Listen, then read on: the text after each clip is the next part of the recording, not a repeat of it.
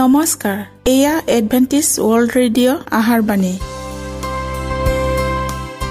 ঊনৈছ মিটাৰ বেণ্ডত পোন্ধৰ হাজাৰ পাঁচশ পঞ্চাছ কিলো হাজত। এডভেণ্টিছ ৱৰ্ল্ড ৰেডিঅ' যোগে অসমীয়া ভাষাত প্ৰচাৰিত আহাৰবাণী প্ৰত্যেক বুধবাৰ আৰু দেওবাৰ সন্ধিয়া সাত বজাত আহাৰবাণী শুনাৰ পিছত আপোনালোকৰ কিবা মন্তব্য আৰু প্ৰশ্ন থাকিলে আমালৈ এই ঠিকনাত লিখক। আমাৰ ঠিকনাটি হৈছে Adventist world radio' seven day Adventist মণ্ডলী অসম শাখা লতাকাটা বশিষ্ট গুৱাহাটী সাত আঠ এক শূন্য দুই ন।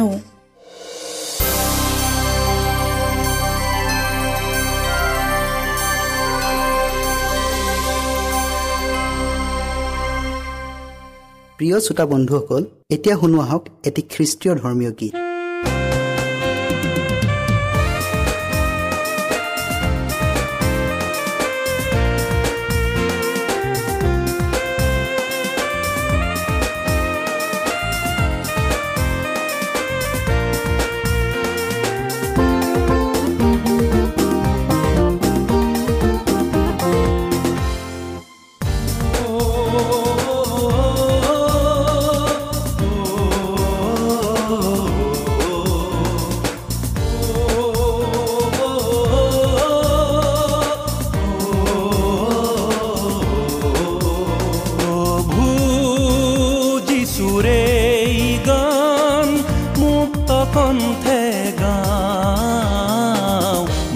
মহিমা তোমারে মহিমা তোমারে মহিমা তোমারে গাও তোমারে ধরণী খনি সৃষ্টির নানারু বিকশিত হয় বিকশিত হয় বিকশিত হয়।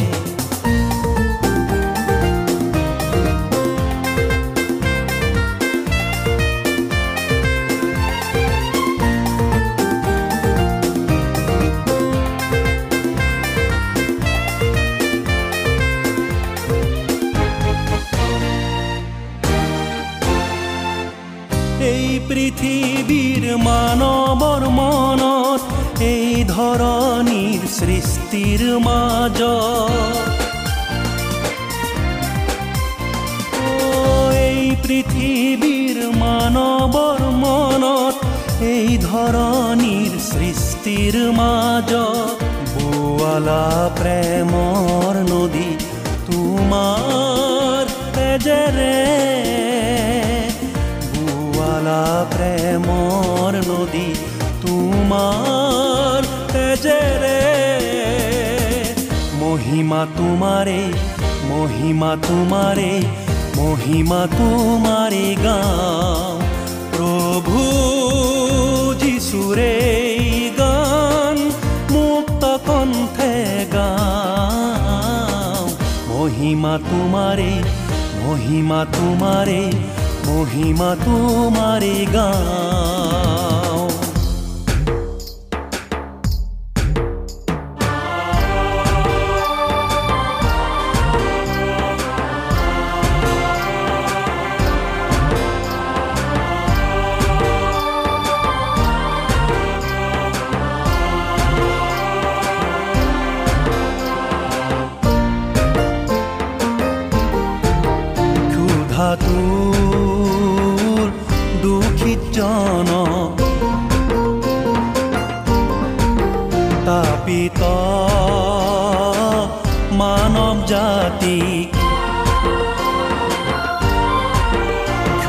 ক্ষুধাতুৰ দুখিত জন তাপিত মানৱ জাতিক দিলাশ্ৰয় তুমি দুবাহুতে মহিমা তোমাৰে মহিমা তোমাৰে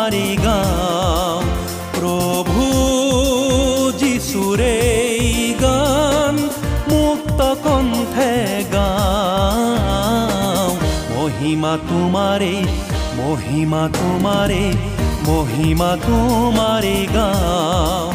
তোমাৰে ধৰণী খনি সৃষ্টি প্ৰীতিৰ নানাৰো বিকশিত হয় বিকশিত হয় বিকশিত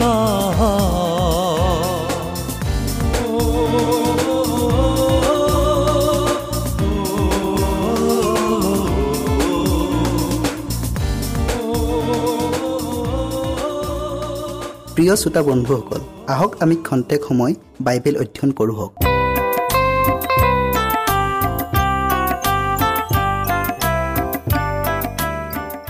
প্ৰিয় শ্ৰোতাসকল আজি আমি যোৱা অনুষ্ঠানৰ বাকী অংশ পবিত্ৰৰো পবিত্ৰ অতি পবিত্ৰ ইয়াৰ বিষয়ে অধ্যয়ন কৰোঁ হওক। অধ্যয়ন কৰাৰ আগতে আমি ঈশ্বৰৰ পৰা আশীৰ্বাদ খোজোঁ হওক। সেই স্বৰ্গত থকা পবিত্ৰ জীৱনময় গৰাকী। তোমাক ধন্যবাদ দিছোঁ প্ৰভু কিয়নো তোমাৰ আশীৰ্বাদ আৰু দয়াত এই সুন্দৰ সময় আমি আকৌ পালোঁ। প্ৰভু তুমি আমাৰ সংগে সংগে থাকি যি বিষয় অধ্যয়ন কৰিবলৈ আগবঢ়াইছোঁ এই বিষয়টিলৈ জানিবলৈ জ্ঞান দিয়া। যীশুৰ পবিত্ৰ নামত খুজিলোঁ আহমেন পৃথিৱীৰ ধৰ্মধামৰ পৰিচৰ্যাত যিটোক আমি স্বৰ্গীয় ধৰ্মধামৰ পৰিচৰ্যাৰ এটা আৰ্হি বুলি দেখিলোঁ। যেতিয়া মহাপ্ৰায়চিতৰ দিনাখন মহাপুৰোহিত গৰাকীয়ে অতি পবিত্ৰ স্থানত প্ৰৱেশ কৰিছিল তেতিয়া প্ৰথম কোটালী অৰ্থাৎ পবিত্ৰ স্থানৰ কাৰ্যবোৰ বন্ধ কৰা হৈছিল।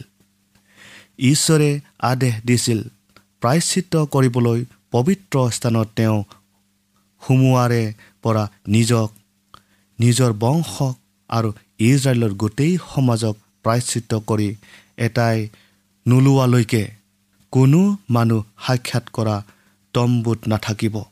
গতিকে প্ৰায়চিত্ৰৰ অন্তিম পৰ্যায়ৰ কামখিনিক সম্পন্ন কৰিবলৈ কৃষ্টই যেতিয়া পবিত্ৰৰো পবিত্ৰ কোটালীত প্ৰৱেশ কৰিছিল তেতিয়া তেওঁ প্ৰথম কোটালীৰ আটাই কাৰ্য বন্ধ কৰিছিল। কিন্তু প্ৰথম কোটালীৰ কাৰ্য অৰ্থাৎ পৰিচৰ্যাৰ যেতিয়া অন্ত পৰিছিল তেতিয়া দ্বিতীয় কোটালী অৰ্থাৎ অতি পবিত্ৰ স্থানত কাৰ্য আৰম্ভ হৈছিল। পৃথিৱীৰ ধৰ্মধামৰ প্ৰৰূপী কাৰ্যত মহাপ্ৰায়চিতৰ দিনাখন মহাপুৰোহিত গৰাকীয়ে যেতিয়া পবিত্ৰ স্থান ত্যাগ কৰিছিল তেওঁ যিসকলে নিজ পাপৰ বাবে প্ৰকৃতভাৱে অনুতাপ কৰিছিল তেনে প্ৰকাৰৰ সকলো ইজৰাইলৰ হৈ পাপাৰ্থক বলিৰ তেজ উৎসৰ্গ কৰিবলৈ ঈশ্বৰৰ সন্মুখত উপস্থিত হৈছিল। গতিকে তেওঁৰ কাৰ্যৰ আন এটা অংশ সম্পন্ন কৰিবলৈ কৃষ্টই আমাৰ মধ্যস্থতা হিচাপে তেওঁৰ কাৰ্যৰ মাত্ৰ এটা অংশকহে সম্পূৰ্ণ কৰিলে আৰু তেওঁ এতিয়াও পাপীসকলৰ বাবে নিজৰ তেজ লৈ তেওঁৰ পিতৃৰ ওচৰত নিবেদন কৰি আছে। এই বিষয়টোকে এডভেণ্টিজসকলে ওঠৰশ চৌৱাল্লিছ চনত বুজি পোৱা নাছিল। ত্ৰাণকৰ্তাজনাক আহিব বুলি আশা কৰা সময় অতিবাসীত হৈ যোৱাৰ পাছত তেওঁবিলাকে তেতিয়াও বিশ্বাস কৰিছিল যে তেওঁৰ আগমনৰ দিন অতি ওচৰ। তেওঁবিলাকে ধৰি লৈছিল যে এক গুৰুত্বপূৰ্ণ জটিলতাৰ পৰিস্থিতিত তেওঁবিলাকে উপনীত হ'ল। আৰু মানুহৰ মধ্যস্থতাকাৰী হিচাপে ঈশ্বৰৰ সন্মুখত কৃষ্টৰ কৰিবলগীয়া যি কাৰ্য আছিল সেই কাৰ্য বন্ধ হ'ল। বাইবেলে তেওঁবিলাকক এনেকুৱাকৈ শিকোৱা যেন পাইছিল যে মেঘ ৰথেৰে যেতিয়া প্ৰভু নামি আহিব তাৰ ঠিক কিছু আগতেহে অনুগ্ৰহৰ সময় বন্ধ হ'ব। এইবোৰক সেইবোৰ শাস্ত্ৰ বাক্যৰ পৰা প্ৰমাণ পোৱা বুলি ভাবিছিল। যিবোৰ শাস্ত্ৰপদে সেই এটা সময়ত বিষয়ে আঙুলিয়াই দেখুৱাইছিল। যি সময়ত মানুহবিলাকে দয়া আৰু কৃপাৰ দুৱাৰখনক খুলিবলৈ বিচাৰিব দুৱাৰখনত ঠুকুৰিয়াব আৰু কান্দি কান্দি খুলি দিবলৈ ক'ব কিন্তু দুৱাৰখনক খোলা নহ'ব। আৰু তেওঁবিলাকৰ মাজত এটা প্ৰশ্নৰ উদয় হৈছিল। তেওঁবিলাকে ইমান দিনে বাট চাই থকা যীশুৰ আগমনৰ তাৰিখটোক আৰম্ভণিৰ পৰাই দি থোৱা হৈছিল নেকি? যাৰ বাবে তেওঁ ইমান সোনকালে আহিবলগীয়া হ'ল। সোধ বিচাৰৰ সময় ওচৰ হ'ল বুলি সতৰ্কবাণী প্ৰচাৰ কৰাৰ পাছত তেওঁবিলাকে অনুভৱ কৰিছিল যে জগতৰ বাবে কৰিবলগীয়া তেওঁবিলাকৰ কামখিনি কৰা হৈ গ'ল।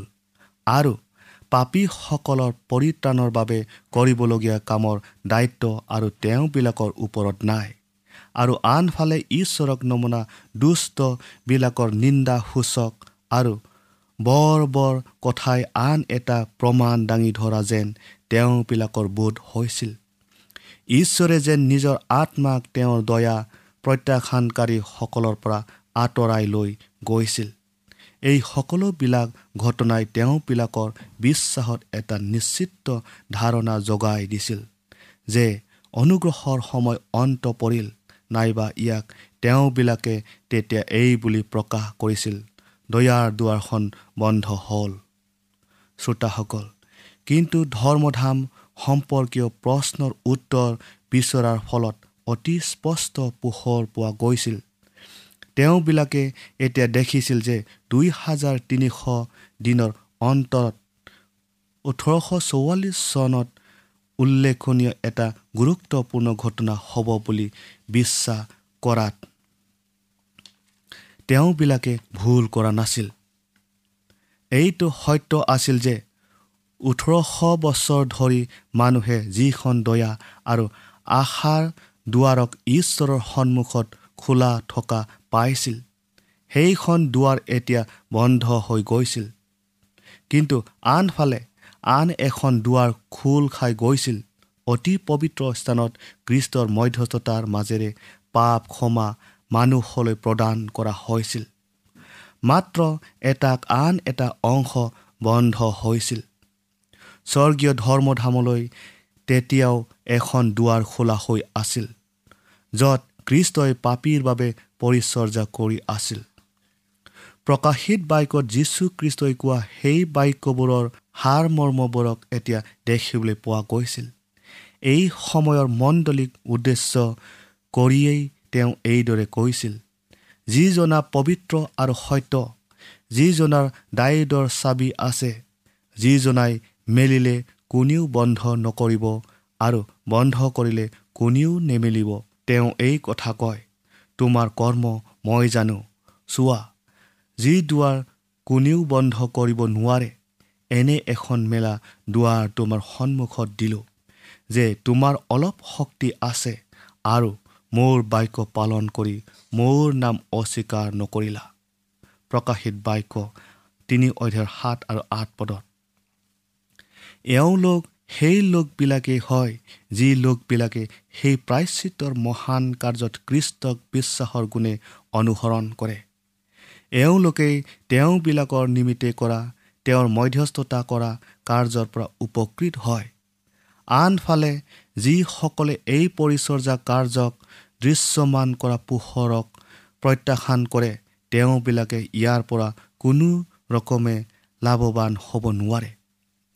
কৃষ্টৰ প্ৰথম আগমনৰ সময়ত যিসকল যীহুদীয়ে তেওঁ প্ৰদান কৰা সত্যতাৰ পোহৰক প্ৰত্যাখ্যান কৰিছিল আৰু তেওঁক জগতৰ ত্ৰাণকৰ্তা হিচাপে বিশ্বাস কৰিবলৈ অমান্তি হৈছিল তেওঁবিলাকে তেওঁৰ যোগেদি পাপ ক্ষমা পাবলৈ অক্ষম হৈছিল। তেওঁৰ মধ্যস্থতা কৰা কাৰ্যৰ আশীৰ্বাদ তেওঁৰ শিষ্যবিলাকৰ ওপৰত বৰষাবলৈ নিজৰ আপোন তেজ লৈ যীশু যেতিয়া স্বৰ্গীয় ধৰ্মধামত প্ৰৱেশ কৰিছিল তেতিয়াও যিহুদীসকল এক সম্পূৰ্ণ অন্ধকাৰত ডুব গৈ আছিল আৰু তেওঁবিলাকে তেতিয়াও অনৰ্থক বলি আৰু উপহাৰ উৎসৰ্গ কৰিয়েই আছিল। প্ৰৰূপী আৰু চাহ স্বৰূপ পৰিচৰ্যা বন্ধ কৰা হৈছিল। সেইখন দুৱাৰ যিখন দুৱাৰেদি পূৰ্বতে মানুহবিলাকে ঈশ্বৰৰ ওচৰলৈ কাষ চাপিব পাৰিছিল। সেইখন দুৱাৰ আৰু খোল নাখাব। স্বৰ্গীয় ধৰ্মধামৰ পৰিচৰ্যাৰ মাজেৰে গৈ তেওঁক বিচাৰি পোৱাৰ যি একমাত্ৰ পথ প্ৰদান কৰা হৈছিল সেই পথটোকে যিহুদীসকলে গ্ৰহণ কৰিবলৈ অমান্তি হৈছিল। গতিকে তেওঁবিলাকে ঈশ্বৰৰ লগত কোনো ধৰণৰ সম্পৰ্ক স্থাপন কৰিব পৰা নাছিল। তেওঁবিলাকৰ বাবে দুৱাৰখন বন্ধ হৈ গৈছিল। ঈশ্বৰৰ সন্মুখত একমাত্ৰ প্ৰকৃত বলি আৰু মধ্যস্থকাৰীজন যে কৃষ্ট সেই বিষয়ে তেওঁবিলাকৰ কোনো জ্ঞান নাছিল। গতিকে তেওঁ মধ্যস্থতা কৰা কাৰ্যৰ পৰা তেওঁবিলাকে কোনো প্ৰকাৰে উপকাৰ পোৱা নাছিল। প্ৰিয় শ্ৰোতাসকল অবিশ্বাসী যিহুদীসকলৰ পুতৌ লগা অৱস্থাটোৱে বৰ্তমান সময়ৰ নিজকে খ্ৰীষ্টান বুলি পৰিচয় দিয়া খ্ৰীষ্টানবিলাকৰ মাজত থকা অবিশ্বাসী আৰু অচেতন অৱস্থাটোকে ব্যাখ্যা কৰিছে। তেওঁবিলাকে ইচ্ছাকৃতভাৱে আমাৰ পৰম দয়ালু মহাপুৰুষিতজনাৰ কাৰ্যক অৱজ্ঞা কৰিছে। প্ৰৰূপী পৰিচৰ্যাত যেতিয়া মহাপুৰুষিতজনে অতি পবিত্ৰ কোটালিটোত প্ৰৱেশ কৰিছিল তেতিয়া ইজৰাইল সকলো সন্তানে ধৰ্মধামৰ সন্মুখত সমবেত হোৱাটো বাঞ্ছনীয় আছিল আৰু ঈশ্বৰ যি হোৱাৰ ওচৰ অতি পবিত্ৰ আচাৰ ব্যৱহাৰে নিজৰ হৃদয় আত্মাবোৰক নম্ৰ কৰিবলগীয়া হৈছিল যাতে তেওঁবিলাকে তেওঁবিলাকৰ পাপৰ সমাধান পাব পাৰে। আৰু মণ্ডলীৰ পৰা যেন বহিষ্কৃত হ'বলগীয়া নহয়।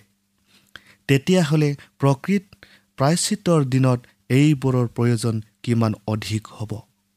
আমাৰ মহাপুৰুষীৰ কাৰ্যক বুজি পোৱাটো আৰু আমাৰ নিজৰ প্ৰয়োজনীয় দায়িত্বৰ বিষয়ে জনাটো কিমান প্ৰয়োজনীয় বিষয়? পৰম দয়াৰে ঈশ্বৰে যেতিয়া মানুহলৈ সতৰ্কবাণী প্ৰেৰণ কৰে তেতিয়া ই শাস্তিৰহে বাণী বুলি তাৰ পৰা ৰেহাই পাবলৈ সেই বাণীক প্ৰত্যাখ্যান কৰিব নোৱাৰে। নোহৰ দিনত স্বৰ্গৰ পৰা পৃথিৱীলৈ এটা সতৰ্কবাণী প্ৰেৰণ কৰা হৈছিল আৰু তেওঁবিলাকৰ পৰিত্ৰাণ নিৰ্ভৰ কৰিছিল।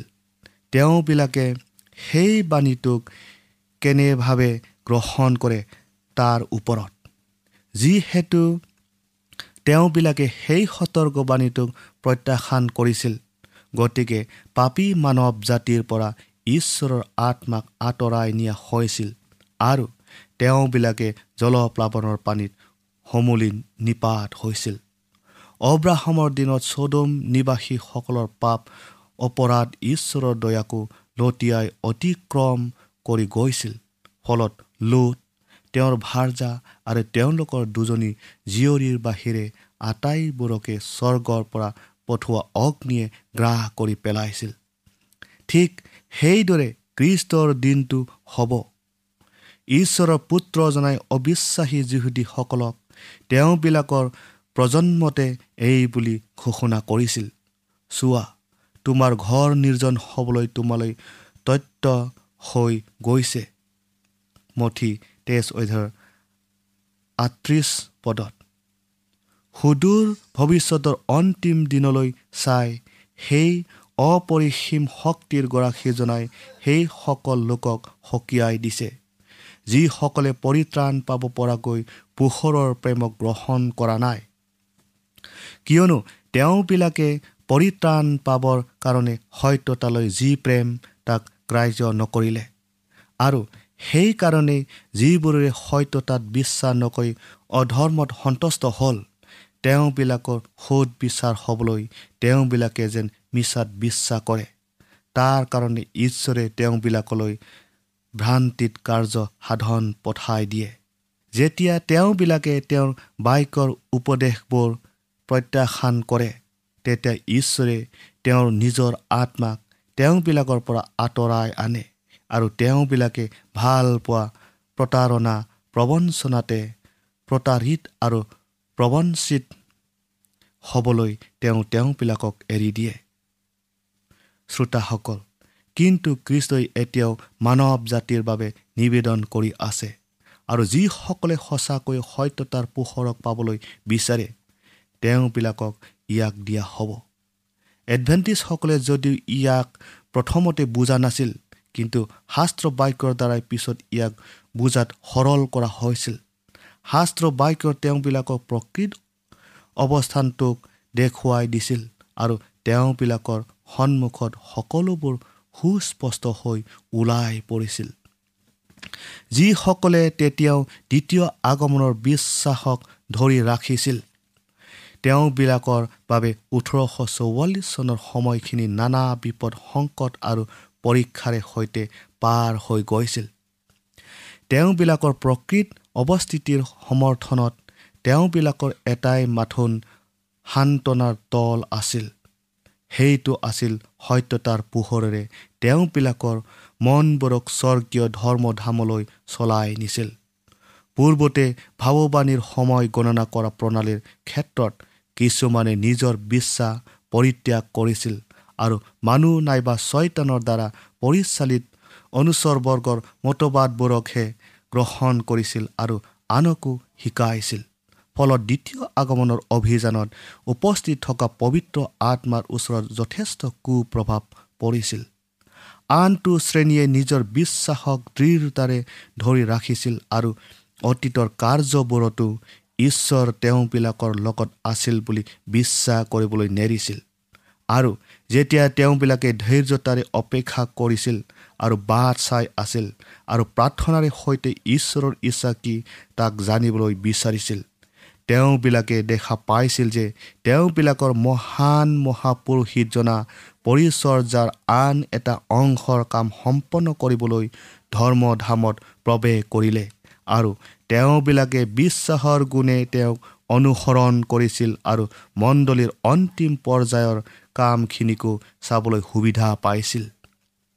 প্ৰথম আৰু দ্বিতীয় স্বৰ্গদূতৰ বাণীৰ বিষয়ে তেওঁবিলাকৰ এক সুস্পষ্ট আৰু যথাযথ জ্ঞান আছিল আৰু প্ৰকাশিত বাক্যৰ চৈধ্য অধ্যায়ৰ তৃতীয় স্বৰ্গদূতৰ গুৰুত্বপূৰ্ণ সতৰ্কতাৰ বাণীটোক গ্ৰহণ কৰিবলৈ আৰু তাক জগতক প্ৰচাৰ কৰিবলৈ প্ৰস্তুত আছিল। প্ৰিয় শ্ৰোতাসকল আজি আমি এইটোৰ বিষয়ে ইয়াতে সামৰিলোঁ। আশা কৰোঁ আপোনালোকে এই অনুষ্ঠান শুনিবলৈ নেপাহৰিব। ঈশ্বৰে আপোনালোকক আশীৰ্বাদ কৰক।